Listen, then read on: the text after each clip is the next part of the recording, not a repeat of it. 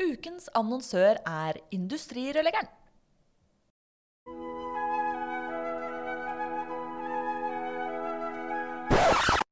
Nei, nei, nei. Det blir for idyllisk. Kjør!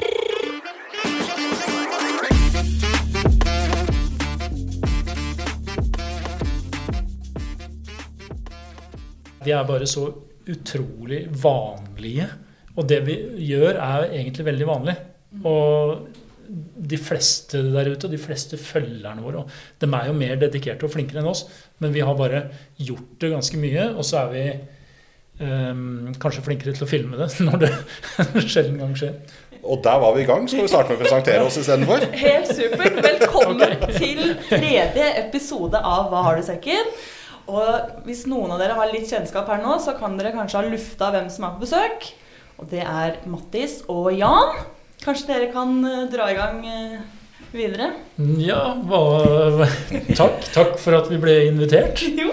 Veldig bra. Fint med en tur til Gjøvik. Ja. Feil side av Mjøsa. Det er helt riktig side av Mjøsa, men der kan vi krangle om senere. Har god utsikt. Ja, vi har, ja, vi har veldig god utsikt. Men ja, Mattis. Hvem er du? Altså, Vi vet jo hvem du er, men for de som kanskje ikke da, av en eller annen merkelig grunn har fått med seg hvem Mattis er Ja, han, han er vokst opp i, i Ottestad i Stange, rett ved Hamar. Mm. Men uh, bor nå i eh, Lørenskog, rett utafor Oslo. Jobber med salg i et IT-konsulentselskap som heter Knowit.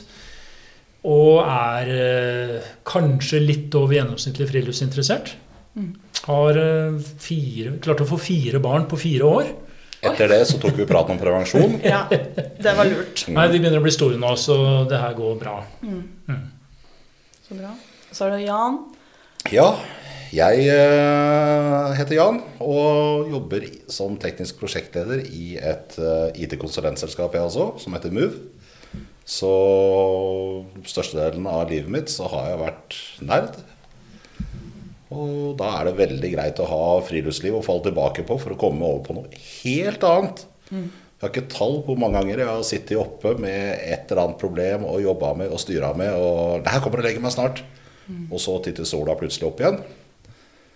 Og da å kunne komme seg helt ut, og gjerne 30 dager i strekk, og ikke være på telefonen eller PC eller noen ting, det er så deilig.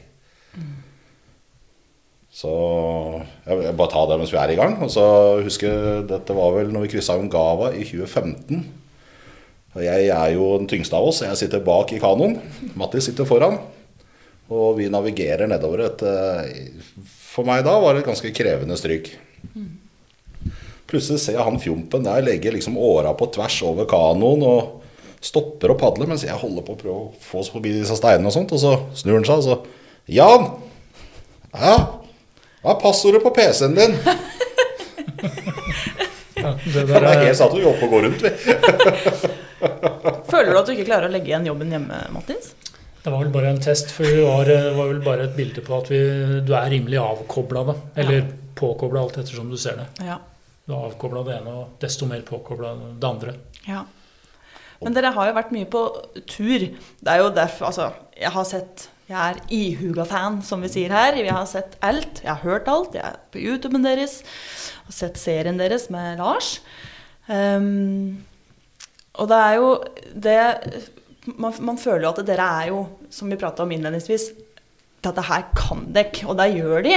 Uh, men åssen er det Hvordan går man fra å gå på nærturer til å liksom planlegge sånn enormt lange kaller det ekspedisjon som dere er ute på? Det, det var jo Altså, vi Som jeg sa før vi begynte, eller jeg vet ikke om vi hadde begynt, men at eh, altså, vi er helt eh, høyst eh, vanlige, typiske familiefedre og friluftsfolk. Og det har liksom vært tilnærmingen vår. Og nå ble vi kjent for 25 år siden snart. Og begynte, altså veldig fort så kobla vi bra opp og begynte å dra på en sånn ukestur. Gjerne sånn etter at du har hatt eh, sommerferien med familien. Og det, det er ganske mange likesinna både av, av begge kjønn, som, eh, som antageligvis har det sånn. De får til den der årlige fjellturen. Så gikk vi da ned fra Saltfjellet i 2008 og sparka litt i grusen og var litt sånn Fader òg. Nå må vi hjem igjen. Ja, enda en tur. Snart slutt. Ja. Og så begynte vi å snakke om det her at kanskje det hadde vært uh, kult å gjøre noe litt mer hårete et år. Eh, og så hadde jeg litt mer sånn tighte rammer på den tida. Jan var litt, hadde litt mindre forpliktelser. Men uh, vi ble enige om at om to år da, da har vi hatt god nok tid til å forberede familie og snakke med arbeidsgivere og spare penger og den biten.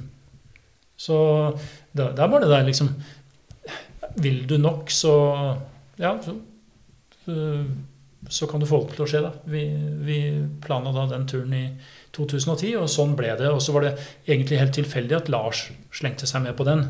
Det var jo ikke noe TV-prosjekt, dette her. Det var bare private gutteturer, disse første turene. De to første så tok Lars med kamera og liksom bare jeg filmer litt jeg, hvis det skulle bli den kan bruke på foredrag og sånt. Er det greit? Ja, det var greit. Og det var egentlig sånn serien starta. Men vi starta jo med skulle, han og jeg skulle dra på tur. Og så ble Lars med, og der har jo vi hatt en noe som vi, mange vil kalle det en fordel. Stor fordel. Vi kjenner den, så vi kaller det bare en liten fordel. Ja. Men Rett og slett en liten ulempe. Nei, ikke så ille. Men eh, nei, altså, vi har jo lært veldig mye av han. Også det å kunne dra på lange ekspedisjoner med en som er så erfaren. Både når det gjelder liksom alt vær som kommer kasta på deg. Vi har jo hatt alt fra snøstorm til sludd til bøtter ned med regn. Og likevel få opp dette bålet, holde oss tørre. Så, og han er jo god på å fiske. Han er jo vanvittig til å lese kart. Så er, han, eh, så er han en voldsomt god pedagog. Altså Han er opptatt av å spille deg god. Da. Han, eh, han, er, han er eh, ganske rå på, på det at de han drar på tur med, de, de vil han at skal ha det bra. Samtidig som du må finne løsningen, og du skal oppleve mestringen rundt det. Du må jo skyte inn at Jan er jo ikke helt eh, på jorda, han heller. Og hadde jo vært på flere langturer med Lars, men, men det begynte å bli lenge siden. Mm. Sånn type 90-tallet. Så øh, han har jo vært ute en øh, vinternatt før, Jan også, da. Og du, da? Jeg har aldri vært på mer enn disse her ukesturene med helga i begge ender. Ja. Dem hadde jeg vært på mange av. Ja, ikke sant? Men da har du grunnlaget der, vil jeg si. For Ja. det, det er jo Jeg vet ikke, hvor, hvor mye annerledes pakker dere? La oss si fra en, altså, Det er jo pakkinga som på en måte blir eh, kanskje det som blir det største Vi pakker også, helt ærlig, jeg har ofte tyngre sekk på helgeturer. Ja, For da skal du kose deg. Da skal jeg kose meg. Tre liter vin og Persen. tatt meg en også beste og likevel mest idiotiske jeg har tatt meg, en seks kilos vannmelon. Hva sa du nå? Det er på helgetur. Jeg hadde, det var varmt, jeg hadde lyst på vannmelon da jeg kom fram. Altså, Helgetur med Jan, det blir aldri kjedelig. Det er, det er litt sånn som den der reisesekken for de som eh, Ja. så det i gamle dager. Eh, KLM som fiska Det var spisebord og sofa og TV. og ja. Det er litt sånn med Jan på tur i, i helgene. Men på en, på en, det som skiller en månedstur fra en uh, ukestur, det er at du har med deg litt mer mat. Ja. Litt mer fryssetørra. Ellers er det egentlig akkurat det samme. Og vi bruker det utstyret vi har. Vi har ikke, vi har ikke kjøpt eh, masse nytt fancy lettvektsutstyr. Vi bruker gammelt utstyr. Det suppleres jo litt av og til. Vi er ikke sponsa. Vi, så vi bærer eh, Og så klarer vi å bære ganske tungt begge to. Så vi får jo mye tyn for det. At vi, når vi lager en sånn pakker du sekken-film på YouTube, så er det mange som eh, himler med øya. Hva er det de himler i øya? Nei, at de, der, eh, der sier vi vel at sekken på en ukestur eh, for oss, den veier ca. 25 kg. Ja, det er min veier For oss hver er, gang. ja, da, da har vi pakka fornuftig. Ja, nemlig. Ja, han veier jo ikke 25 kg. Det er det vi sier at han veier, men han veier jo 35. Ja, Men sant. det er fordi vi har med oss Seks uh, kilo vannmelon. Nærmest. Nei, men det blir litt mer fiskeutstyr enn det du strengt tatt må. Litt mer fotoutstyr, litt mer batteri, litt mer powerbanker, litt mer mat. Ja. Mens du kan jo få soveposer i dun. Vi kjører som regel fiberposer. Men dere da, velger dere fiberposer da fordi at det er mer værsikkert? Eller gjør dere det fordi at dere syns det er mest Fordi- behagelig, liksom? For det vi har, det er det vi har. Ja, ja. Og kjøpte det en gang i tida fordi det er litt mer værsikkert. Eh, Det tror jeg kanskje har jevna seg litt ut nå. Dunposer nå er jo veldig bra. Men eh, det å betale 2500 for en eh, knallgod isbjørnsovepose kontra det å betale mellom 8000 og 14 000 for en dunpose, det er jo ganske stor forskjell. Det er det. Helt klart. Så, og isbjørn er et veldig godt merke. det. Ja, Så- det godt. Ja, tar jo halve pulken, eller sekken. Den er stor Men, i pakkvolum, ja. Men du slipper å fryse. Det er helt riktig. Men når dere da på en måte bestemmer dere ved Saltfjellet der at faen eller nå stikker vi på langtur, Ja. hvordan går dere fram med dem hjemme? For hvis jeg hadde kommet til min samboer og bare sånn Du, Håvard, du, nå stikker jeg. Eh, om et par år, da, vel å merke, så du skal få lov til å tygge på det litt. Men da blir jeg borte i si to måneder. Mm. Hvordan, hvordan får man gjennomslag? For jeg hadde fått blankt nei. Nei, det hadde du ikke. Vi skal snakke med Håvard. Det Ja, det dette ja, det kommer til å løse. Ja, gjør det. Det er mange måter å løse det på, men jeg tror kanskje du skal la Matti svare på det i første omgang. Ja, jeg var vel den som i begynnelsen i hvert fall hadde behov for å avklare sånt. Og det var ikke noe Altså, for det første, det er, det er bare du som egentlig vet om du kan gjøre det. Eh, Du får alltids gjennomført det, men det er bare du som vet om det er greit, da. Mm. Um, og i det så Skal vi si Altså Vi hadde fire barn. De var mellom sju og elleve år. Det var et hus som skulle selges mens jeg var borte. Det var tre barnebursdager. Eh, Ja. Så det, det var men Hvor, det, hvor lenge men var dere borte nå, da? da, da var vi borte i fem uker. Fem uker. Nå er vi på den første langturen vi var på sammen i 2010. Ja, stemmer. Mm. først, jeg var førstereis på, på et sånt prosjekt. Men du har planlagt i to år, og du har vært med og lagt opp logistikken. ikke sant? Så når, da vi dro, så var det fortsatt et par uker igjen av skoleferien. Ja vel, da hadde vi noen planer og dro og besøkte noen besteforeldre. Og, og så var det Ja, og så, så begynner jo skolen, og så øh, begynner hverdagen. Og så var det litt øh, foreldre, svigerforeldre som stilte opp og var innom av og til. Men plutselig så er du, så er du tilbake. Og Mm. du har egentlig, som vi pleier å si på, på foredraget vårt, at liksom når du er tilbake, så har ikke naboen egentlig merka at du var borte engang. Nei, det er jo sant. Og det har vanligvis, da, så har det ikke egentlig skjedd noe annet enn at gresset er blitt litt lenger. Så reiser dere etter hvert.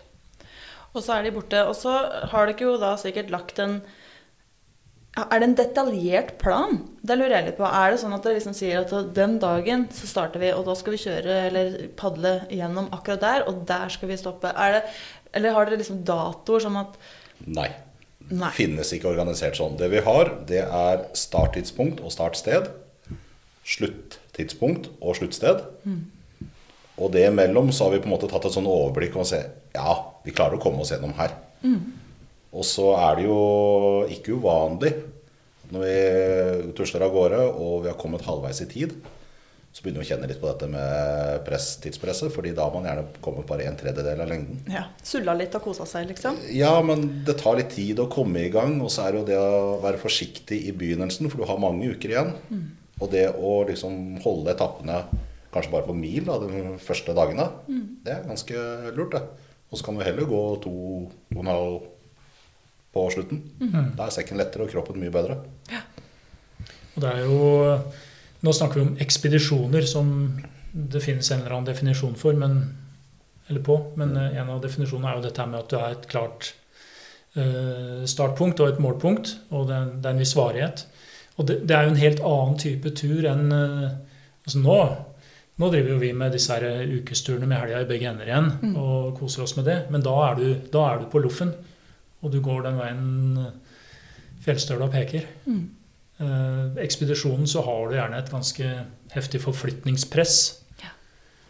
Og vi, ja, vi, vi planlegger bare de ytre rammene. Vi vet når flyet hjem går, og, og hvor vi da må ende opp. Men ruta imellom den styres jo i stor grad av ja, særlig den 2010-turen igjen. da, Vannstand, eh, vær, altså vind. Eh, Det var fem-seks vannskiller vi måtte forsere. Vi ante ikke hvilke ruter vi skulle følge tilbake. Den blir til underveis, og du må bruke mye energi på den. Mm. Sam, ja, Sammen i 2015, Ungava, fra Hudson Bay og opp til Lakminto.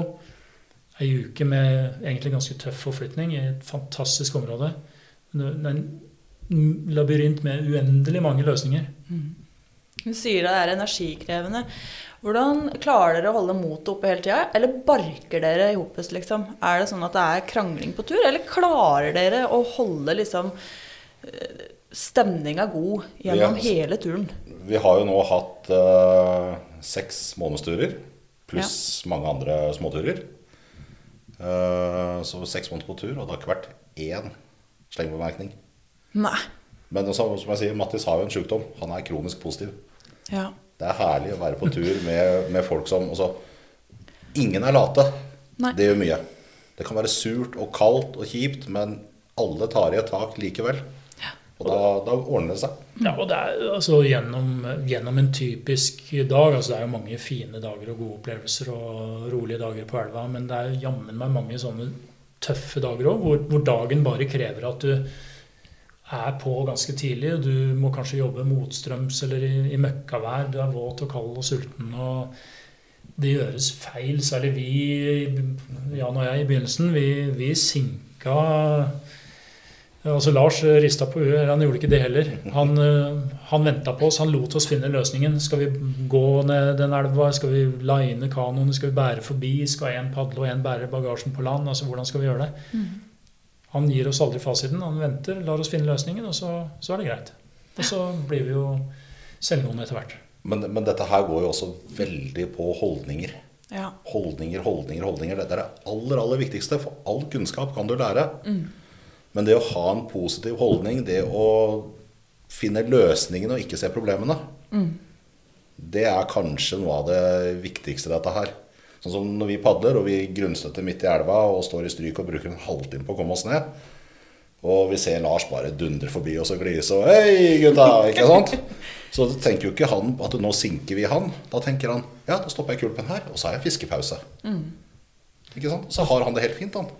Vi sto altså i 2010 på slutten, før vi kommer ned til denne svære Lake Mistassini, så og da begynte vi å bli høye og mørke på dette her med elvepadling. Dette var jo ikke noe problem. Vi hadde jo kåla og tulla mye tidligere på turen. Og så sitter vi på ei elv som er stor som skal vi si, Glomma nede ved Fredrikstad. Altså, Og det var eh, liksom stille og fint, men så hører vi buldringa i det fjerne. Og skjønner at det er et digert stryk noen kilometer lenger ned. Men det er ikke noe problem. Jo, når vi nærmer oss, vi strekker hals, og så nei da, vi ser jo et vannspeil langt nedi der, og vi bare setter utfor, ikke sant. Drev med rafting en stund, dere da? Ja, Ja, det var helt krise, og vi var jo blytunge, satt i samme kano, og veldig fort så blir vi bare tatt av strømmen og lempa opp på en diger flat stein. Oi. Og det var bare sånn frådende vann på alle kanter, og lenger ned så var det bare en sånn haikjeft av spisse steiner, og vi hadde helt sikkert blitt knust i fillebiter hvis vi hadde, bare, hvis vi hadde kommet oss. Ja. Mm. Og det var ikke mulig å få fotfeste. ikke sant? Hva, hva gjør du? Lars kunne ikke hjelpe oss. Han dundra forbi, for han var jo i strøm, men hadde valgt en litt lurere rute. da. Ja. Men han får ikke gjort noe. Vi er midt utpå der. Vi er midt utpå, og det er ikke mulig å komme seg sidelengs, for det er altfor stri strøm, og nedover var det Vi kunne ikke padle videre. Da hadde vi møte. Da dro vi oss opp på steinen, så var det møte. Ja. Og det husker jeg veldig godt. og Vi sto der sikkert i et kvarter og grubla og var enige om at velger vi gæren løsning nå, så Vi dør ikke, men vi ødelegger kanoen i hvert fall. Ja. Ja, Bestefall så ødelegger vi kanoen. Den var, den var kjip, den der. ja. Hva, løs, hva endte løsningen med? Faglig tyngde. ja. Nei, da fant vi ut at da måtte Jan uh, gå uti først. Altså jeg hadde jo prøvd meg foran å gå framme i baugen, men beina ble jo bare feid vekk av strømmen. Ja. Da kom Jan sin faglige tyngde til sin rett, og han, han gikk foran og holdt igjen. Jeg gikk bak og holdt igjen det makta bak. Og så gikk vi egentlig bare kanoen ned hele stryket. Og det var greit. Det var ikke noe dramatikk i det. Men det var jo sånn det er, det er, Du har ofte bedre tid da, enn du kanskje skulle tro til å finne riktig løsning. Ja, jeg hadde jo gått i krisemodus, og jeg hadde jo helt sikkert tatt fullstendig feil løsning ned det stryket. Mest sannsynlig. Veldig ofte så vil man jo bare Å, nå, nå er vi i kjip situasjon. Vi må Ja, komme oss ut, videre ja. fort. Vekk, Ja. vekk. Det er bare tull. Vi sto jo veldig trygt oppå steinen. Ja. Sto veldig trygt. Ja, Det var det tryggeste stedet. ja. Så bare ta seg tida. Diskutere mye, og Mattis har mye fornuftig å komme med. Han er generelt eh, den litt eh, fornuftige av oss, forsiktige av oss. Hvem er HMS-ansvarlig på tur? Mattis. pe Nå peker Jan veldig fort bort på Mattis. Ja, nei, men vi Men, men ingen er noe veldig opptatt av det. Vi bruker huet. Ja. Ja, Du har ikke behov for noen VG-forsider på en sånn tur. Du har ikke, ikke sant? Det er ikke, det er ikke, selv om du har en eller annen satellittelefon eller eh, sånn uh, eh, b- mulighet til å varsle, da. Eh, Vi brukte Spot, nå er det InReach Mm. som gjelder. Så er det ikke sikkert at du kan bli hjulpet der du er. Det er ikke sikkert det er forhold til å fly inn med noe helikopter. Kanskje det er for langt unna. Mm. Så du må kjøre lav risiko. risiko. Veldig lurt. Mm. Litt av essensen i denne podkasten er jo å prate om de tinga som, da, som ikke går som det skal. Fordi jeg føler ofte at det, veldig, det blir veldig ofte solskinnshistorier på Instagram og sosiale Mm. medier, og vi ser bare soloppganger og solnedganger. Og for mitt, eh, i mitt tilfelle så er det jo eh, idyllen ved friluftslivet som er så nydelig. ikke sant? Du ser for deg at du skal sitte der, du skal slenge ut en fiskestang, skal duppe litt, liksom, og, og gå tur, og det skal være fint vær. Og så gang på gang så blir den på en måte slått i bakken av at det skjer et eller annet drit. Og det vil jeg jo anta at det skjer stort sett, kanskje alltid òg, på, på deres turer. Har dere, noe, har dere opplevd at det har gått ordentlig drit noen gang, liksom? Det, det blir litt vanskelig Nei, jeg tror ikke jeg vil si at det har gått ordentlig drit. Men jeg tror andre kanskje lett ville kunne sagt at dette er ordentlig drit. Ja, ikke sant? Men det, det går på holdninger. Ja, for det er, ikke, det er ikke fordi at vi har gjort så ekstreme ting. Vi, vi, ingenting av det vi gjør, er noe, noe som ikke hvem som helst som er i sånn grunnleggende fysisk form og har helt grunnleggende ferdigheter i friluftsliv. Alle, kunne gjort akkurat det samme som oss. Mm. Men det er mer det å stå i det og eh, Bare en måned siden nå Nå er det jo blitt eh, Ja, eller nei, det var i begynnelsen av mars. Vi gikk, da hadde vi plutselig ei frihelg begge to. Det var, det var ingen planer, og det var ingen hjemme, så vi dro i Østmarka, hvor vi bor, og gikk fredag til søndag. Det bare gikk til det ble mørkt på fredag og slo leir, og så lå vi der til søndag, og så gikk vi hjem igjen. Og så valgte vi på returen ei rute som jeg har gått på sommerstid. Jeg visste at det var en sånn skikkelig eh, et skikkelig dritterreng.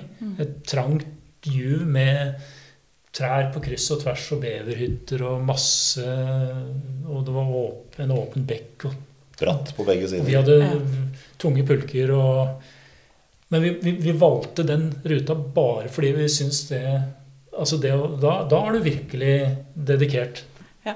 i de timene de to kilometerne tar. Og vi digga det like mye begge to. Vi gikk der og var så slitne at vi nesten ikke visste hvor vi var, men klarte ikke å slutte, å- slutte å smile. Ja, så bra. Da måtte jeg for første gang nesten eh, putte Jan i pulken på, på vei Altså når vi kom nærme oss bilen, da, da flata han ut. Men han, han, holdt, han holdt eh, bra opp til eh, hull eh, 17 på golfbanen på Losby. Ja, ikke sant? Og så gå på ski med han, det er jo helt håpløst. Ja. Altså, jeg har jo null teknikk, Ja. og så bruker jeg eller mye styrke for å ta igjen. Han er jo relativt dreven på dette her. Nei, jeg har gått Birken i helga. Nei, jeg tok Vasaløpet da, og sånt, ikke sant? Det er- Dette er lenge siden.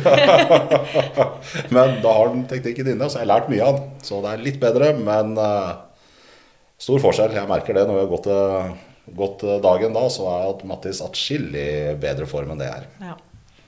Det hjelper å ha Kanskje, kanskje det er godt å ha to poler. Ja, for den, samtidig når den pulken som er altfor tung, eh, skal eh, fires ned en skrent eller dras opp eh, fra ei kløft, som vi fikk nok av anledninger til der, så har jo ikke jeg sjans med de her strikkepinnarmene mine. Ikke sant? Da kommer Jan og bare tar det med jeg. Lillefingeren. Ja, nærmest. Men nå, dere har jo da vært på de langturene, og så sier dere at dere har en del hei-til-hei-turer her hjemme i moderlandet. Yes. Har dere noen favorittområder å ferdes i? Det er, det er så mye fin natur i Norge. Og så må vi leve med at det er ikke så veldig mye sånn villmark igjen, sånn ut fra hva som er definisjonen av villmark. Men, men du får den her villmarksfølelsen veldig mange steder. Og den bør du ikke dra så langt fra å oppsøke. Altså. Den kan du dra altså skogene rundt her på Østlandet. Eh, rett innenfor Gjøvik. Eh, altså Snertingdalen, eh, Skomsjøen, eh, eh, Østmarka, Nordmarka, Romeriksåsen. Altså du finner de der perlene overalt.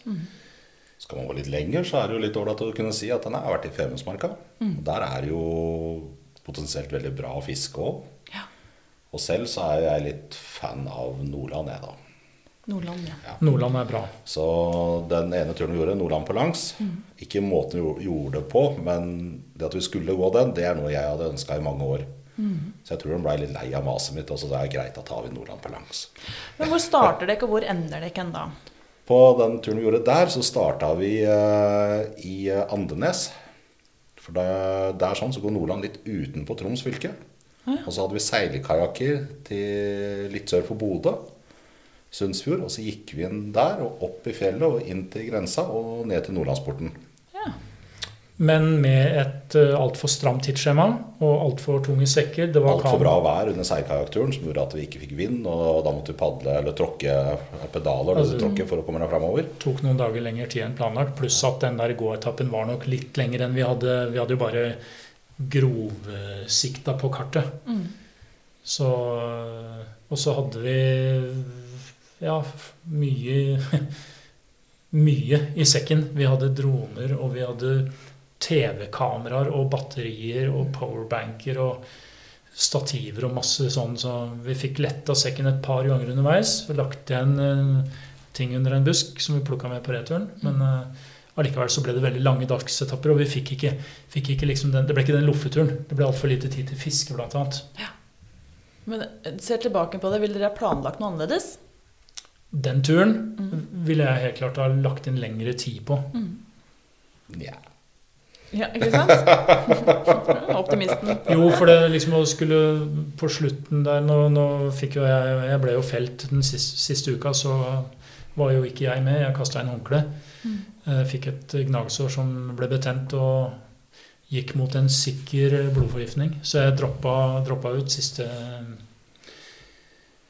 åtte eller sju-åtte dagene. Ja. Men, uh... Men det, det er ikke så farlig også, fordi vi er jo greie. Så hver gang vi passerer Nordlandsporten nå, så tar vi bilde av den og sender til den, så han vet hvordan det ser ut. ja, det, det er veldig, det er viktig. veldig greie. Sånn. Ja. Ja. Det er ålreit, det, da. Ja, gode Men, venner. men, men liksom de, de ukene vi, vi var av gårde, så ble det altfor lite tid til fisking. Og det, der, det, du gjør deg avhengig av å gå to-tre mils da, etapper hver dag. Og det er altfor langt. Det er bare tull. For det er jo det dere lever og ånder for. Det er jo fisking. Er det ikke det? Nei, det, Eller er det mer opplevelsen rundt hele? Det, det er hele settingen. Bare det å være på tur. Bare det å, bare, bare det å liksom være, være i den bobla. Jeg kan dra på flere helgeturer hvor jeg ikke tar med fiskestanga. Ja, ja, ja. Samme Det hadde jeg aldri trodd. Sånn jo. helt oppriktig. Hadde jeg aldri trodd. Jeg, jeg syns det er mye Altså Det med å sitte rundt bålet, f.eks., når man kan fyre det, legge seg til på stedet hvor man kan gjøre det, eh, og nyte den tilværelsen. Kanskje ta seg en tur litt opp i høyden, få litt utsikt, kjenne litt drag av vinden. Altså nyte naturen. Ta, ta med kamera. Ja. Mm. Stiller meg helt bak det. Jeg har en kompis, jeg skal ikke nevne navn, jeg håper han ikke hører på. Jeg håper han hører på. Han, eh, nei, men på tur med han Altså, noe må dø. Å ja. Oh, ja. Noen må dø. Hver gang. Fisk eller fugl. Samme hva det er. Og det er altså, liksom Når Jan og jeg er på tur altså Du hadde antakeligvis kjeda deg, eller kanskje, kanskje det hadde gått helt fint. Altså, vi kan tre-fire timer foran det bålet med et stort antall kaffekopper og bare 1000 meters blikk inn i flammene. og øh, Bør ikke si noe engang. Er det bare kaffe? Nei, det kan være te, det kan være buljong, det kan være fiskekraft. det kan være... På, på, på helgeturer så hender det at vi, at vi må gjøre kaffen litt lysere. Ja. Så For ikke å få sånn ja, halsbrann og sånt. ja. Ja, det er Ja. viktig. Særlig på helgeturene hvor du Men eh, ellers er det ikke det, faktisk. Nei, på de langturene, så- og det er ikke noe sånn skinnhellig over det. Det er bare det at da er ikke, da er ikke den derre eh, klunken med whisky eller eh, de ølboksene, da, da er det liksom ikke noe Nei. Det er ikke, det er ikke, altså, vi hadde båret med hvis vi ville. Det er ikke det det står på. Det gir ikke noe. Ikke Nei, du er, en, du er et helt annet modus. Så jeg holder med masse deilig kaffe, og det gjør det nok òg. Jeg drikker jo ikke kaffe, jeg drikker bare whisky. Nei da. Ikke det. Men da er det ikke liksom ute og koser deg, da. Så da er det ikke alltid det er fisking. Nei. Nei. Nei, langt ifra. Så det, fiske, det er jo Nordpå så liker jeg å fiske. Jeg, jeg er nok blitt litt bortskjemt, men det å få til maten på de lange turene, det, det letter jo sekken mye. For vi tar jo med oss uh, tørrmat for å spe på med fisk underveis. Det er mye potetmos, har jeg sett. Ja, men det er godt. Potetmos Ja, er jeg er undervurdert. jo Altså. fan Du av kan ha med og uten gastromat. Det er store smaksvariasjoner. Ja, ja, ja, ja, ja. Ekstra, litt, ekstra salt og litt gressløk eh, oppi tørrposen. Men det sagt, da, altså den potetmosen du kjøper vi handler når vi er i Canada eller Alaska, så handler vi jo maten der borte. Og der finnes det utrolig mange flere varianter og mye, veldig mye gode smaker. Der er det med mozzarella eller med cheddar eller altså Det er masse, masse godt. Det er mye vi må pitche inn til hoff her. Ja, Ja. Det, er, det funker, men det er kjedelig. Ja.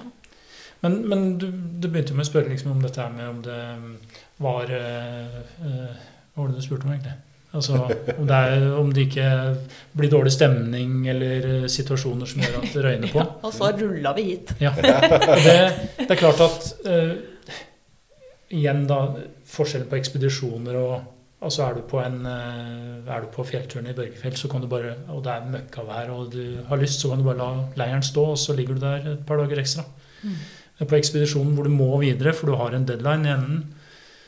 Eh, vi har jo da opplevd eh, til, igjen tilbake til 2010-turen, hvor det blir en veldig strabasiøs tur. Vi visste jo at det ble tøft, men hadde kanskje ikke tenkt at det ble så tøft. Det var liksom tolv mil motstrøms elv eh, i begynnelsen. Og så var det alle disse vannskillene, og så var det møkkavær. Og når vi til slutt endelig nærmest så målstreken og tenkte at nå er det bare en liten sjarmøretappe, så var det mm, vi gjorde forholdene at vi måtte legge inn en dag ekstra og tolv timers økt med en Snickers eh, Mm. på innerlomma som eneste lunsj underveis. Og vi fikk kjenne på det. Mm. Og Jan han hadde forberedt seg ganske godt på før den turen, Mm. så han hadde litt mer å gå på enn eh, Lars og meg. Men ja, Ja. vi gikk det ned. Jeg gikk ned 15 kilo. Oi, Og det var helt topp. Og det er godt gjort. Og vi spiste oss mette hver dag, men eh, fordi at vi var i så Det var så høy aktivitet, så det gikk på fettreservene. Og jeg er jo en mager tarm, og gikk jo ned i hvert fall såpass mye at jeg fikk eh, kjeft av kona da jeg kom hjem. Ja. Lars også gikk ned noen kilo. For da, da har dere jo med Da må dere fiske. Da må dere Men der fikk vi fisk hver dag. Ja, det var en liten periode i skogbrannområdet hvor vi sleit litt, men stort sett, store og det hele, så fikk vi bra med fisk. Vi spiste oss mette. Ja. Hver dag. Men det, det gikk ei uke der hvor det bare var gjedde. Jeg har, det kan jeg si, jeg hater gjedde. Og det er kanskje litt sånn fælt å si, men det gjør jeg. Fordi den er stygg, eller? Jeg er for det første livredd den, da. Ja, ja. Og så syns jeg at den ikke smaker så godt. Nå er Bonnie sikkert i en kirke her, men, det, men eh, hvis jeg er på fjorden, da, Randsfjorden, som er eh, min eh, kulp, eh, så kan jeg og venninne sitte der og fiske litt av jolle, og så får vi napp. Og så blir vi For det første får vi overtenning, kjempeekstase, for nå har vi jo napp.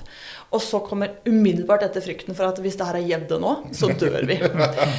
Så du sitter og sveiver da, og er dritglad og dritredd samtidig. Og så er det den seiersrusen når det er en liten fiseabbor som kommer opp i båten, istedenfor liksom den sugga av en gjedde.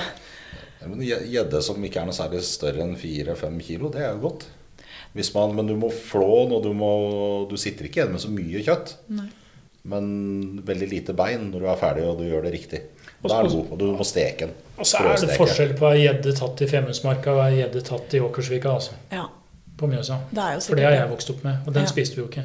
Nei, ikke sant? Men uh, altså, vi har, når vi har vært i Canada, og det, det er bare gjedde i ei uke, så Du spiser jo det. Ja, Altså, og- da, ja, da- det måtte jo ha spist gjedde der. det, da blir jo det kjempe Det er jo fine biffer. Det er jo supergod mat når du får ut de der filetene. og Så blir det faktisk veldig bra.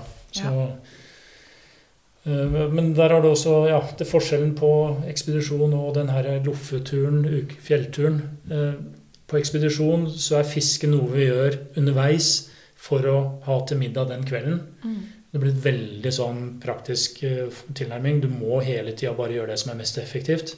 For du må forflytte deg. Mens eh, når vi går og loffer i fjellet eh, her hjemme, da, så det å la leiren stå bare Nei, hva skal vi gjøre i dag? Nei, vi, går og fisker. Det er helt rått. Mm. Da, og da, da blir fluestanga med, og da, da kan du liksom bare ta litt av rumpetaske og ta deg en dagstur fra leiren. Det er jo det som er bra. Det er jo det som er herlig. Og det er, jo- Det det er det, det som gir godfølelsen gjør at man er i vater, kommer hjem og liksom du, Det er lettere å skille på hva du bør bruke energi og bry deg med, og hva du ikke, hva som egentlig er uvesentligheter. Det å, sånn som i sommer, jeg synes det, det er måten å bevege seg på. Og liksom, Oi, nå så det fint ut opp dalen der, da går jeg der. Så når vi skal på tur i sommer, så starter jeg tre uker før han. Ja. Og så drar jeg med en kompis, en annen kompis første uka, og så tar jeg to uker aleine. Og det er egentlig Så nesten deilig. det jeg gleder meg mest til. ja, så det blir jeg, så skjønner blir jeg. med siste uka. Ja. Men da tar jeg en uke med kona først. Jeg. Ja. Og så kommer jeg rett eh, Så det blir to uker på meg. Da. Ja, så deilig. Nå ble jeg veldig misunnelig. Ja, det er liksom, kjenner at det hadde vært litt ålreit å Men, men sånn har vi gjort det flere ganger, hvor jeg starter litt tidligere fordi jeg har hatt eh, muligheter til ferie, avspasering og litt sånne ting. Og kan bruke det på det. Det, det funker bra. Men så er det det å gripe de her småmulighetene, da. Og jeg bor eh, i skogkanten til Østmarka. Der er det noen fine vann, som jeg nesten aldri får fisk i, riktignok, men jeg vet at de er der. Og så skulle tro at den ble litt blasert. da, liksom Vi har sett på TV, vi får disse digre røyene, og det er jo så mye fisk. og uh, Mange som spør om vi klarer liksom å glede oss over den der trenerjomsørreten i nærvannet hjemme. Og svaret på det er Det tror jeg. Ja. det må en ikke miste. Altså det å, nå går jeg tur med bikkja og kikker på vanna i nærområdet nesten hver dag og for å se om isen går snart. ja. Nå er det jo blitt mai, så nå må det jo snart skje noe. About damn time, ja. For å, og, og da gleder jeg meg til å bare kunne ta de der kveldsturene, gå opp, uh, pumpe opp en packraft og skli utpå og legge ut ei tørrflue. Er det noen gang at dørstokkmila er lang for dere òg? For det, det er jo kjent gjerning at det er det for mange. Hender det at dere òg liksom bare tenker nei, vet du, i dag orker jeg ikke? Eller er dere alltid liksom oppe og nikker og klar for å gå ut? Nei da. fl- Flere ganger. Men faktisk mer på den ene natta hvor du ligger over, bare, enn si 30-dagersturen. Ja. Det er vanskeligere for min del å komme meg ut på den ene overnattingen Ja. enn de 29. Hva er grunnen til det, tror du? Får mer igjen for de 29, holdt jeg på å si. Ja, men, ja, så, men, men samtidig så er det så deilig når du er der ute, for det er jo i stor grad mye det samme som skal pakkes. Samme jobben, utstyret kan være vått når du kommer hjem igjen, alt må tørkes. så Det er litt sånn Det er jo og litt logistikk med dette her. Og så er jeg generelt en ganske bedagelig anlagt person, egentlig. Er det. Ja, men altså, vi kan jo noen og enhver kjenne oss igjen i det. Og den der helgeturen og liksom Vi har kanskje planlagt det et par uker, og så nærmer helga seg, og så er det møkka Så er det dårlig værmelding, da. Ah, eh, Gullrekka, eh, rødvin, biff Altså Det er fristende. Vi, vi kan jo finne ei annen helg, ikke sant? Ja. Men det er jo alltid bra når du kommer deg ut. Ja, for det er den oppfatningen jeg har òg. Jeg har aldri angra. På å gå en tur. Uansett hvor den har båret hen, eller hva vi har drevet med. Eller hvor, altså, aldri angra på en tur. For det er den følelsen når den først bare kommer seg ut og frisk luft. Jeg i hvert fall får rensa huet mitt innmari mye når jeg bare er ute. Og det å lage en avtale med noen. Fordi der er jeg ganske nøye. Det er å holde avtaler. Sånn at hvis vi har avtalt at vi skal ut da, da kan det snø sideveis, og vi møter opp. Ja, jeg er helt enig. Deilig å ha noen å liksom ikke, Man skal jo ikke ødelegge for noen andre. Nei, nei, nei. Nei. Jeg lærte, fikk en sånn god eh, leksjon i det der gjennom veldig mange år som eh, skitrener i, i klubben i Lørenskog. Hvor, eh, hvor du faktisk må ut. Og du må faktisk ut den mørke novemberkvelden sjøl om det sprutregner, og du skal løpe elghufs i den bakken den kvelden. Eh, Det er jo ikke så veldig kult, egentlig. Men det er kult hvis kompisen din er med, og venninna di er med, og den, det blir en liten gjeng. Da er det greit. Liksom, du du har aldri dårlige treninger. Nei. Men foreldra som skal sende unga eller ungdommene sine av gårde, de vegrer seg. Få tilbake noen som er, har klissvåte joggesko og møkkete, møkkete treningstøy. Og, nei, uff. Så det var dårlig oppmøte. Men det, de som møtte opp, hadde alltid bra treninger. Ja, ikke sant? Det er litt av samme. Ja. En ting jeg òg har lurt på, da, det er eh, Jeg har eh, et veldig høyt konkurranseinstinkt. Så når vi er ute og fisker, spesielt jeg og samboeren min, så er det så er det viktigst å få størst eh, fisk. Jeg skjønner ikke hva du mener i det hele tatt. Er det slik at det er internkonkurranse dere imellom? Nei, nei, Jeg vet ikke også, det, det burde kanskje vært det, men det er jo litt divisjonsforskjeller, ikke sant? Så vi, vi er ikke i samme liga. Vi, vi, hadde så innen, vi hadde så mange år på rad med den her ukesturen. Ja. Og jeg fiska og fiska og fiska. Jan pleier å si at Og han får mest, det er ikke noe å lure på. Nei, og han snakker seg ned og Men sier at jeg er flinkere til å fiske, og det er jeg slett ikke. Men jeg fiska mer, og jeg fikk mest fisk, og vi fylte gryta hver kveld og hadde og, og så i løpet av ei uke med sprengfiske så får du jo kanskje en eh, 900 gram. da. Mm. Og det slo ikke feil. Eh, Sånn helt på slutten av turen, hvert år, så tar Jan et eh, sjeldent kast, og så får han en fisk som er 50 gram tyngre enn min tyngste. Og det skjedde hvert år. Å, Så fader. 50-gramsgreia ble en sånn greie. Og, og så var det en gang jeg trodde vi brøt den tradisjonen som det ble. Det var på Ja. Saltfjellet. Ja. Hvor uh, jeg blei litt grann dårlig og tusja tilbake igjen til eh, et annet sted og venta så Mattis kom inn dagen etter. Og liksom Ja, nå har jeg fått en fisk som er litt tyngre enn din. Og så viser han bilde at den har veid den og sånne ting, da. Men da har jo han veid det på en annen vekt. Så jeg tenkte ja, vi må kalibrere og måle vektene opp mot hverandre. Og så regna vi ut. Så var min 50 gram større. Jaggu 50 gram. Den Den ene gangen jeg endelig trodde. Ja, nei. Men nei da, det er ikke noen konkurranse. Altså, det er litt halve moroa, syns jeg. Ja, det er det. Og det er ikke noe ondskapsfull konkurranse eller noe sånt om å gjøre å tråkke på den andre. Å, jeg kan havne litt der. Jo, men hvis begge to får, så er det, så er det på en måte greit. Men vi har jo hatt perioder, og jeg husker jo bl.a. når vi padla Karasjokka, så var det jo en uke der. Mm. Hvor Lars dro opp ørret og svære abbor, og Mattis gjorde det samme. Jeg, ingenting. Og sånn kan det være andre ganger. når det er mye køl, og Da roer vi ned den der brautinga. Ja, det er Det, da, da er det ikke noe gøy, det er ikke så gøy lenger. Men det er gøy hvis begge to kniver. Men igjen, det var, det var i en ekspedisjonssetting hvor eh, fisking er noe du gjør underveis for å ha til middag den dagen. Og da, uansett hvem som har fått det, Altså, du er på tur Da sammen. Da legger du fisken i en haug og deler broderlig. Ja. Kan han si. Men det teller å få den største. Ja. Nei, men når vi, går, når, vi, når vi går og loffer i Femundsmarka og har en dag nå, I dag skal vi bare gå og fiske. Mm. Det er klart, Da, da er den konkurransen litt eh, tydeligere. Ja. er begge to veldig høye og mørke. Det er ikke sikkert man sier noe, men det ligger jo liksom ulmer litt i overflata at eh, nå er det førstemann til å få, og helst størst. Altså, jeg er jo egentlig ganske imponert jeg, for den redselen Mattis må kjenne på hver gang da. Og liksom komme seg gjennom det. Det er imponerende, Ja, altså. det er det, altså. Ja. Er du på traumebehandling eh, innimellom? Nei, ikke ennå, men kanskje jeg må vurdere det hvis Ja. eh, trenden fortsetter. Ja. Nå, jeg er jo veldig åpen og ærlig med at jeg har, eh, jeg har veldig lite fiskekunnskaper. Så hvis, har dere noen gode tips, sånn som til meg, da. Jeg er veldig god på å slenge ut ei klysemark og se på den duppen og krysse fingra på at det er noen som treffer.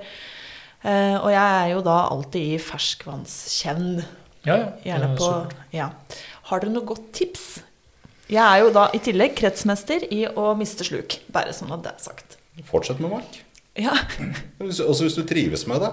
Også det viktigste er jo å gjøre jobben. Fordi du får ikke fisk ved at sluken eller marken ligger i boksen sin. Nei. Men få den ut. Og jeg bruker ofte mark og syns det er behagelig. For da kan jeg også sitte ved telt og Ja. lese litt eller gjøre noe sånt og lage meg mat mens fiske gjør- går av seg sjøl. Se på, um, på disse langturene våre hvor, hvor ekstremt dedikert Lars er på, på det med fisking. Ikke det at han er spesielt dyktig, han heller. Vi fisker med det samme. Men han, det er liksom tid mm, den sluken eller marken eller spinneren er i vannet. Den, det er liksom det som teller. Og han er utrolig flink til å bare utnytte hvert lille sekund. Og så har jeg også lært mye av han når det gjelder det å fiske aktivt. Fordi han, eh, der, er det, der er det stryk. Det er, eh, det er ikke Ja, du får ikke liksom de silhuettene og Så der er Det er bankers. Og da kan du gå med enkel haspelstang, eller som sagt ha en sånn lang markstang. Ja. Det er et veldig godt tips. Det er moro. Hundsarm, da. Fantastisk. Mm. Kan nok hende at jeg må ta meg en tur i Hundselva. Når dere ser noen som står der eh, og kaver, så er det meg. jeg spurte dere jo eh, før de kom, om hva har dere i sekken? Er det noe dere fast har med dere på tur, som aldri unnviker? Mm, ja, der, må vi, der har vi sikkert litt forskjellige svar. Altså, det er jo selvfølgelig en hel haug med sånn veldig kjedelige svar på det. Ja, Stell, det vil jeg ikke høre. Sovepose, tarp Det er ikke det du er ute etter? Nei, det er jo ikke Nei. det. Jeg er Tisseflaske? Juice? Ja. Det har jeg alltid med. Da har jeg et oppfølgingsspørsmål. Ok. Hvordan gjør dere når dere bæsjer på tur? Graver dere ned, eller bærer dere ut? Jeg spør, for det er veldig, veldig få som prater om det. Og det er jo litt, For jeg er litt sånn opptatt av at eh, enkelte ting legger vi ikke igjen synlig i naturen. Det er liksom, Sånn er det bare. Ja, Og det gjør vi ikke. alle som er på tur Alle mennesker gjør det her. Så jeg har ikke noe problem med å snakke om det, hvert fall. Skal, skal du ta den, skal jeg ta den? Nei, ta den, du. Mm. Du, du bruker desidert mest tid på dette. Det Ja, riktig, riktig. Ja. Nei da. Uh, det er jo forskjellige måter. Jeg, jeg vet at det, kall det moten eller trenden nå er jo grave ned. Det har jeg ikke gjort noe særlig. Men jeg tenner på de gangene man bruker papir, så tenner man på papiret. Selvsagt uten noe skogbrannfare, bla, bla, bla, alle de greiene der. Og så dekker jeg det med så tunge steiner så folk ikke klarer å løfte. Ja. Og da, da er det borte. Ja. Og gjerne ta det litt ned i groper eller sånt, og, og steder hvor det ikke er naturlig å gå. Det er ikke noen stier der, det er ikke, noe, det er ikke naturlig å gå der hvis du skal gå gjennom terrenget. Nei. Og så dekker man det med noe tungt noe for at det- bikkjer ikke skal komme og tygge i seg. Det er ikke alle bikkjer som er gourmeter. Nei. Det er et godt svar. Det er òg min eh, strategi på tur. Mm. Nei, jeg stiller meg bak det. Jeg, jeg bruker ikke flaske ennå, da. Du tisser ikke på flasken, nei. Nei. Så du går ut av teltet, liksom? Men du bare velter det på sida, du. Ja, det er så, det er så herlig. Ja. Det er helt eh, topp. Det er sånn at jeg faktisk eh, vurderer å begynne med det hjemme òg. Altså. Det finnes sånne hvite, sånne store Ja, det gjør som det. du får fra sykehuset. Ja, Ja. riktig. Nei, Du slipper der å er skru til og helt med. der ennå. Nei, det går stort sett bra. Men det å kunne Du er på tur, og det å kunne liksom ikke Altså, du, du, du ligger der og drøser foran det bålet utover kvelden, og skravla går, og du super i deg noen kopper eh, te eller hva det er. Og ikke behøver liksom å være Måtte holde igjen på det fordi at du er redd for at du må opp på natta. Altså det er Ja, for det er mitt problem. Jeg, må, jeg kan ikke drikke mye Jeg er jo fæl å drikke Coca-Cola. Ja. Jeg kan ikke drikke mye av det, så jeg bevisst drikker ekstremt lite. Ja. For jeg har blære på størrelse med en ert, så jeg er oppe minst én gang om natta. For- Og jeg har ikke tidsflaske. Nei, men jeg er ikke nødvendigvis oppe om natta, men det er den derre én time før du egentlig har tenkt å stå opp. Mm. Eh, Da er det så og jeg, ja, Det er så deilig å bare snu seg og sove videre. Ja, Ja. For de som klarer det. For de som klarer det. Er, Nei, er, er det nå som er rette tidspunkt å spørre om vi bruker enmannstelt, eller om vi bruker delertelt? Ja. Deler dere telt på tur? Nei, det gjør vi ikke. Nei. Og det er det noen som syns er litt sært. Men der har du mye av nøkkelen til den der gode stemningen, det, det kameratskapet, særlig på de langturene. da. Hvor, hvor du egentlig er eh, limt sammen hele dagen, og det er strie tørner hele tida. Og det å kunne da velge å trekke seg tilbake i litt ulikt tempo, altså Noen ganger går jeg inn i teltet i sjutida på kvelden bare. Ikke sant? Fordi jeg har lyst. Ja, eller vi kan øh, ligge til 11. Altså, det vet du aldri. Men øh, det har muligheten. Trekke seg tilbake. Der kan du ligge og lese i boka di, eller kikke på kart for neste dag, eller skrive tur i dagboka. Du pleier jo å sovne umiddelbart uansett. Nå skal jeg ligge og lese, og så går det fem minutter, og så Litt Borte. sånn smulig narkolepsi. Nei, så det, Og så kan du heller stå opp øh, ti timer senere og være glad for å se hverandre igjen. Ja. Jeg så på YouTube-kanalen deres eh, her forleden dag at eh, dere har laget et veldig fint oppsett som vi skal copy-paste. Det er to eh, telt med tarp over. For vi har jo to små. Og vi skal eh, Jeg vet ikke om vi skal gå eh, i Utladalen eller om vi skal gå Hardangervidda i sommer, men Mm. Vi har jo da to små og firemannstelt med masse parg. Det er Det er liksom Det er trangt. Men men det oppsettet der, det var, ikke noe, det var ikke noe vi hadde planlagt eller tenkt på forhånd at det ville være lurt å gjøre. Det var bare situasjonen der og da, og det Det, Det blir en god løsning. Det var et ordentlig ordentlig møkkavær da vi slo leir. Mm. Så det var bare en Ja, en, en muligens god idé der og da, som, og sånn ble det, liksom. Ja, For de som da ikke har sett det her, da, så er det de har slått opp eh, hvert sitt telt med noen meter imellom, med åpning mot hverandre, og satt tarpen på en måte festa tarpen i stein og med plugger. Ja. Sånn at de har tak, så de har et ly, altså et sted med ly imellom. Brukte vi et kamerastativ Mm. eh, i front som, for å få liksom det høyeste punktet. Det, for det var det vi hadde, for det var på Snaufjellet. det var- Ellers så har du, finner du deg raie eller noe sånt. Så. Teltet på sidene, kamerautstyr i front og spent ned til bakken i bakkant. Det var helt genialt, så Ja, det det skal, var- det skal, det skal vi bruke i sommer. Så Det det er var, glad det, var veldig, det var veldig lurt. Ja. Mm. Veldig bra. Så dere har vært deres telt. Men hva har du i sekken, Jan? Jeg øh, har egentlig ikke noe sånn fast, fordi jeg er jo vaksinert mot å følge pakklister og alt sånt. Men jeg pleier alltid å prøve å ha med meg en eller annen gadget eller noe litt spesielt eller noe litt sånne ting. Ok. Ja, Så- det, det, det, det stemmer. Ja. Det- Som for eksempel? Det er dupp med ekkolodd. Det høres jo egentlig ganske lurt ut. Men jeg fant ut da på den ene turen når jeg skulle bruke det, at eh, duppen er blytung. Så du må jo fiske med nesten 0,40 scene. Oh, ja. Og så plasker den jo så hardt at du skremmer bort all fisken i mils omkrets. Ja. Og hvis det er vær nok som gjør at den ikke skremmer bort fisken, så ser du ikke duppen, for da flyter den ikke godt nok. Nei. Så det var kanskje noe av det teiteste jeg har hatt med meg, så den fikk jeg ikke brukt på noen fornuftig måte. Nei. Men det var jo bare én gang.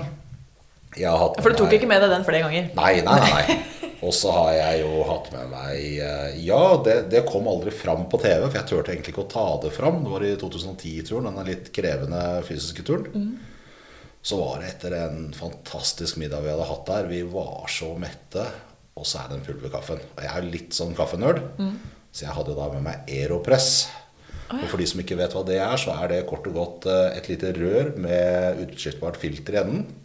Og så har man en gummi eh, En sylinder, et stempel. et stempel, ja. Sånn, og så har du en sånn stang med gummipropp i enden som du presser fra toppen av røret. Og så kommer kaffen ut i bånn. For du heller bare, eller du har ferdigmalt kaffe oppi det røret. Oh, ja. Og så fyller du på med varmt vann, og så tar du stempelet og presser ned. Og da får du fantastisk god kaffe i koppen. Bruker ikke noe annet hjemme. 400 kroner. Verdens beste kaffemaskin. Du får mye reklame gratis her nå fra oss. da. Men Den, eh, er- den er kjempegod.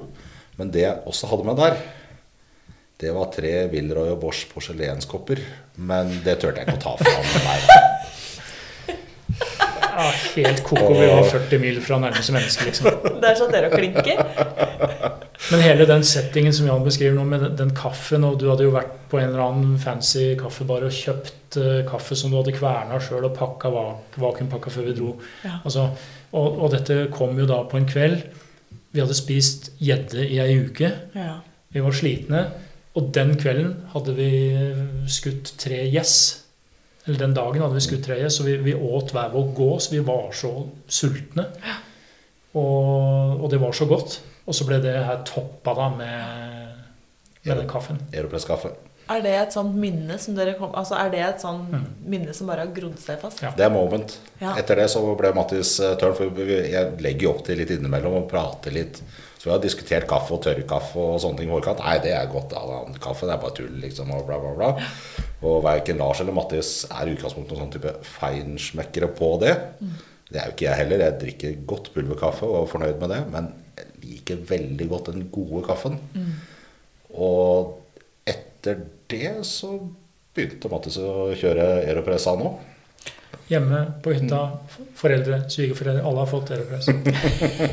Hvor stor er den her? Nei, den er jo ikke hva skal vi si, litt større enn et tekrus. Altså, den er lett å ha med seg. Ja, Ikke veier den mye heller.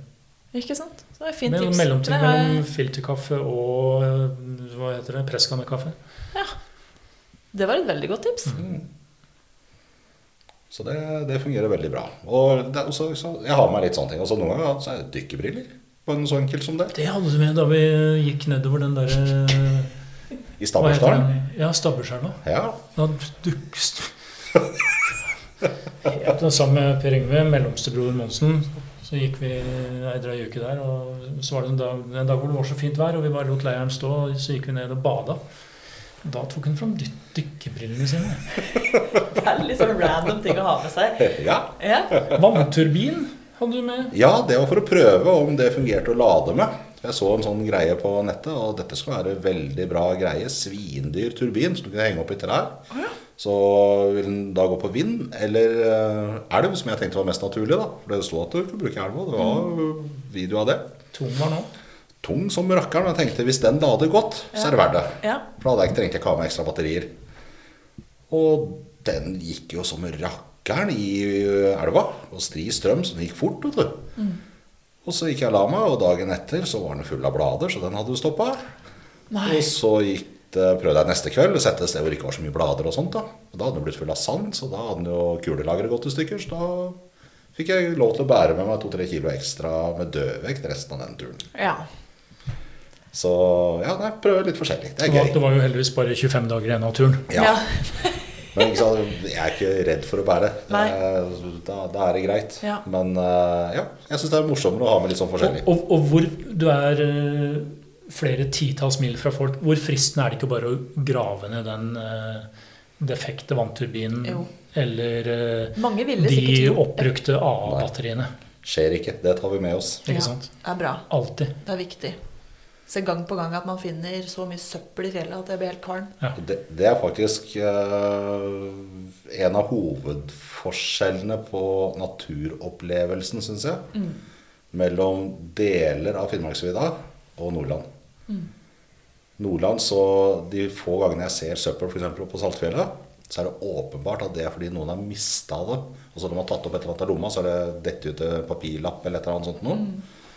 Mens eh, noen områder i Finnmark så finner du liksom bensinkanner og Ja. knuste Det gjør du flasker og... i Troms og Nordland òg, men det er Ja. veldig knytta til skuterleder og Ja. eh, muligens kjerka. Men det, eh, min private forskning viser at det er en sterk sammenheng mellom, eh, mellom eh, disse søppeldyngene og, og reindrift. Ja. Og det er ikke ting som er frakta inn i en ryggsekk. Det er frakta inn på en firehjuling eller en snøscooter. ja. Gjerne med henger. Mm. Det skal være en stund. Så det er litt synd. Jeg tenker at Hvis det er motorisert inn, så er det i hvert fall ikke noe problem å få det med seg ut igjen. Nei. Skamme seg. Mm. Det er Så- helt krise. Og det er så styr unna scooterleder eller ATV eh, Sånne, sånne kjerreveier, ATV-veier. Er dere flinke til å ta med dere det dere finner? Ikke flinke nok, men eh, Ja, vi gjør det òg. vi det òg. Vi hadde jo den turen du pratet om i stad, hvor vi med teltløsning og tarpen. Ja. Der fant vi også et fint sted hvor det var masse ølbokser og drit. Ja, det er ikke fylte- mye jeg blir ja, irritert fylte- på, men det ble jeg irritert på. fylte vi en diger bærepose eh, og med søppel som vi bar med oss på, på resten av turen. Men så fant vi jo ei dynge til som var mye større, som vi ikke hadde sjanse å få med oss. Nei. Ikke sant? Og det er for glassflasker, ikke sant? Og det er fuelfat, tomme fuelfat, og det er bleier. Altså Hallo? Ja, det er hallo. Der er- passer det vel godt med det litt eldre uttrykket 'ta dere sammen'. Ja. Helt korrekt. Ja. Nei. Det er veldig viktig. Da har dere masse rart i sekken. Veldig gode tips. Da er det jo spørsmålet eh, Hva er planen deres videre? Har dere noen planer nå? Langturer, korte turer? Har dere noen mål dere har satt dere? Eh, vi skal, som vi var inne på, ha oss en eh, ordentlig tur i, på sensommeren i år også. Eh, det blir mer sånn på det jevne. Og så går vi jo svangere med en ny langtur i Vi, vi vi skal ha en ny langtur, vet ikke hvor eller når ennå. Og så er det varigheten. Der prøver jeg liksom sånn Mattis, vi skal ikke ta 100 dager, da. Det blir kult. Ja. Ja, nei, jeg kan ikke ta så mye, ikke sant? Og så går, starter han lavt, og så starter jeg litt høyere enn jeg kanskje egentlig er klar for. Ja. Men da håper jeg kanskje vi møtes litt sånn I de 50 dager. Ja, eller en måned. Vi får se. Men om, om et par år, kanskje. Ja, ikke sant? Og, Men det er viktig at det passer for familie og alt sånt. Ja Ja. da. Men for min del begynner det å roe seg, og barn, barn begynner å bli store og utflytta, Og det gjelder jo for deg òg. Det gror jo til der òg. Men øh, jeg tror også at den neste turen kommer til å være i Norge. Eller i hvert fall på Nordkalotten. Da kan vi ta med bikkjer, og det er litt lavere falløyde. Alt blir enklere. Og det er, mye, det er så mye fint å ta av. Tenk deg grensetraktene mellom Norge og Sverige fra Skal vi si ja, fra trøndelagsgrensa nordover, da, eller fra Femundsmarka nordover. Altså, det er jo det er jo helt vilt hvilke mulighetsrom vi har, og det blir jo bare råere og råere jo lenger nord du kommer. Og det er også faktisk en litt sånn ny greie for oss. Etter den uh, siste episoden som ble lagt til på sesong to av Monsen Monsen og Mattis. Det var jo, ble sluppet med to turer, og så var vi på en tredje tur som kom til litt etter. Hvor vi var på hundetur i, oppe i Finnmark. Mm. Da ble vi litt bitt av basillen, så nå har vi hver vår hund. Og det gjør jo at det blir litt annen dimensjon på turene. Mm. Og det, det, det gir mye, altså. Mye selskap i hundene. Ja, Det er gøy. det er det helt klart. Jeg er jo dessverre en av de som ikke har hund, fordi jeg har en eh, kjæreste Du har kjæreste istedenfor? Ja, kjæreste istedenfor. Han er veldig lydig, da. Men det, det er jo tydelig at det er liksom nord som er Er det der dere trives best? Er det, det den faunaen der oppe som dere syns er mest ålreit? Ja, jeg gjør det. Eh, Det er mye bra her sørpå, og det er lettere med Nordmarka. Så det er lettere å klare seg i Nordmarka enn nordpå. Men den frodigheten, den lufta, generelt det fisket, eh, naturkreftene som på en måte er kraftigere alle veier. Med både vind og regn og sol og knalldager og Ja, ikke sant. Du, du legger så veldig merke til godværsdagene òg, fordi det er ikke gitt at du får dem like ofte som her nede. Nei. Nei, og så er det jo fantastisk mye fint i Sør-Norge og Hardangervidda. altså, Det er jo haugevis med fjellområder i nærhet til Ja, på sentrale Østlandet. altså det er, det er jo enormt med muligheter, men du må kanskje godta at det er litt mer folk eh, Litt høyere tetthet av folk, litt mer fiskepress, litt mer Litt kortere avstand til nærmeste skal vi si, menneskelig installasjon. da. Mm. Eh, Jo lenger nord, jo mer grisgrendt blir det. Og vi er jo litt folkesky når vi er på tur. Så det, det, det ligger jo litt bak, da. At vi, vi vil gjerne liksom ha mest mulig for oss sjøl, eller bli minst mulig minna på eh, folk. Ja. Eh, Det er bare blitt sånn. Ja. Og det er jo det som er så fascinerende med Nord-Amerika. da, Det er at der har du noen av kanskje de siste områdene i verden som, er, som virkelig er urørt. Altså, der kan du gå et eller annet uh, rutefly eller sjøfly og sette av gårde, og du er, du er eh, du vet at den retningen jeg skal nå, så er det ikke, så er det ikke folk eh, på 50 mil. Nei. Og de områdene er det Det er det mange av. Ja. Det er sånn. Hvis vi avslutningsvis så kunne jeg, kan jeg spørre dere om dere kan anbefale eh, noen turer i Norge. Eh, hvis en av dere tar en tur der det er fint å ferdes med barn, gjerne fiske litt. mm. Og en annen tar der man kanskje kan gå der det er litt mer krevende. Hvis dere klarer å plukke noe sånn top of mind. Ta det krevende, du, ja. Ja, da, da, da havner vi jo nordpå. Eh, og ikke Jeg liker jo også at ting er relativt trygt, tross alt. Og i type Nordland så er det gjerne litt lettere å gå. Det er ikke fullt så skarpe fjellrekker. De er litt mer avslepne og bratte, men ikke loddrette, liksom. Så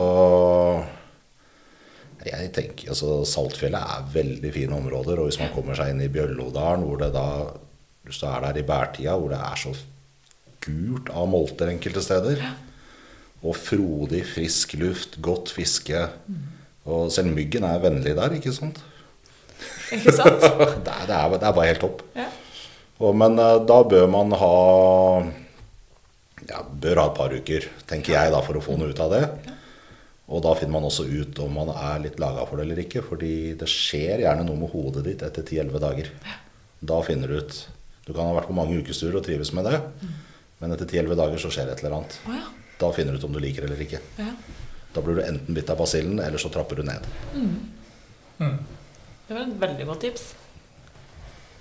Men for eh, en barnefamilie Altså, barn har jo ikke ambisjoner på den måten. Altså, de driter jo i om du går 500 meter eller 5 km eller 50 mil eller hva det er. Det spiller ingen rolle. Og ikke bryr de seg faktisk om det er eh, abbor eller gjedde eller ørret de får på kroken heller. Eller mort. Ja. Spiller ingen rolle. Det, de barrierene er det vi som lager. Eh, jeg har ikke vært flink nok til det med mine barn. Altså, jeg har vært Nei, det skal være, skal være ørret eller røye. Altså, Ja. Og så har jeg droppa liksom nærvannet hvor det er dassmort. Ja. Men eh, det har blitt folk av dem allikevel, og de er glad i å fiske og være på tur. Men eh, eh, jeg husker kanskje, kanskje den flotteste eller det sterkeste minnet, hvis du spør barna mine. Mm. Da var de vel i alderen sånn fem til ni år. så tok vi noen dager, og så padla vi på Isteren. Oh, ja. Som er en sånn nabosjø til Femunden, egentlig. Ja. Eh, Ligger ei, et dalføre lenger vest. Eh, Nydelig, nydelig plass. Vi var jo da seks stykker, så vi hadde to kanoer. Sandstrender, furubakker innafor. Nylige teltplasser, lunka badevann, godt fiske. Eh, Villmarksfølelse. Selv om eh, hovedveien går langs vestsida og du aldri er langt unna bilen. Helt topp. Helt supert. Så kan du ta det takket videre, så drar du inn i Femundsmarka. Kjør til Elgå, eller ta bussen til Elgå, eller på, på vestsida til Jonasvollen eller Syndervika. Og områdene nord for og øst for Femunden. Men kano og barn, helt topp. Ja. Barn trenger ikke å slite. Vi har blitt godt kjent i Gyltingmarka, som ligger sør for Femundsmarka nasjonalpark, inn mot svenskegrensa. Utrolig flott område. Lett å padle, kort bæringer imellom vanna. Uansett hvor mye det blåser, så blir det aldri ille utpå der. Ja. Helt topp. Kan kjøre helt ned. Og det er mange muligheter. Det var helt supert. Og hvis noen vil høre mer om det, så er det bare å ringe Mattis 24-7. ja, Nummeret er Ja, ja, ja. Nei, kom igjen. Det er bare, bare å spørre. ja. Så Dere er jo på Instagram. Ville gleder. Ville gleder er på Instagram og og snart alle kanaler. Og det er stort sett Mattis som svarer, bare for å ha sagt det. Han er den flinke av oss på det. Ja. Ja, han kan, ja, han kan når han vil, han også. ja. Og det er, pleier å være ganske fornuftig det han kommer med når det en sjelden gang glimter til. Det er helt bra. Tusen, tusen hjertelig takk for at dere tok turen hit til Gjøvik. Det har vært enormt stas å ha dere på besøk. Ja. Takk for at vi fikk komme. Veldig hyggelig å komme hit òg. Takk. Så bra. Mm. Vi prates. Kjør!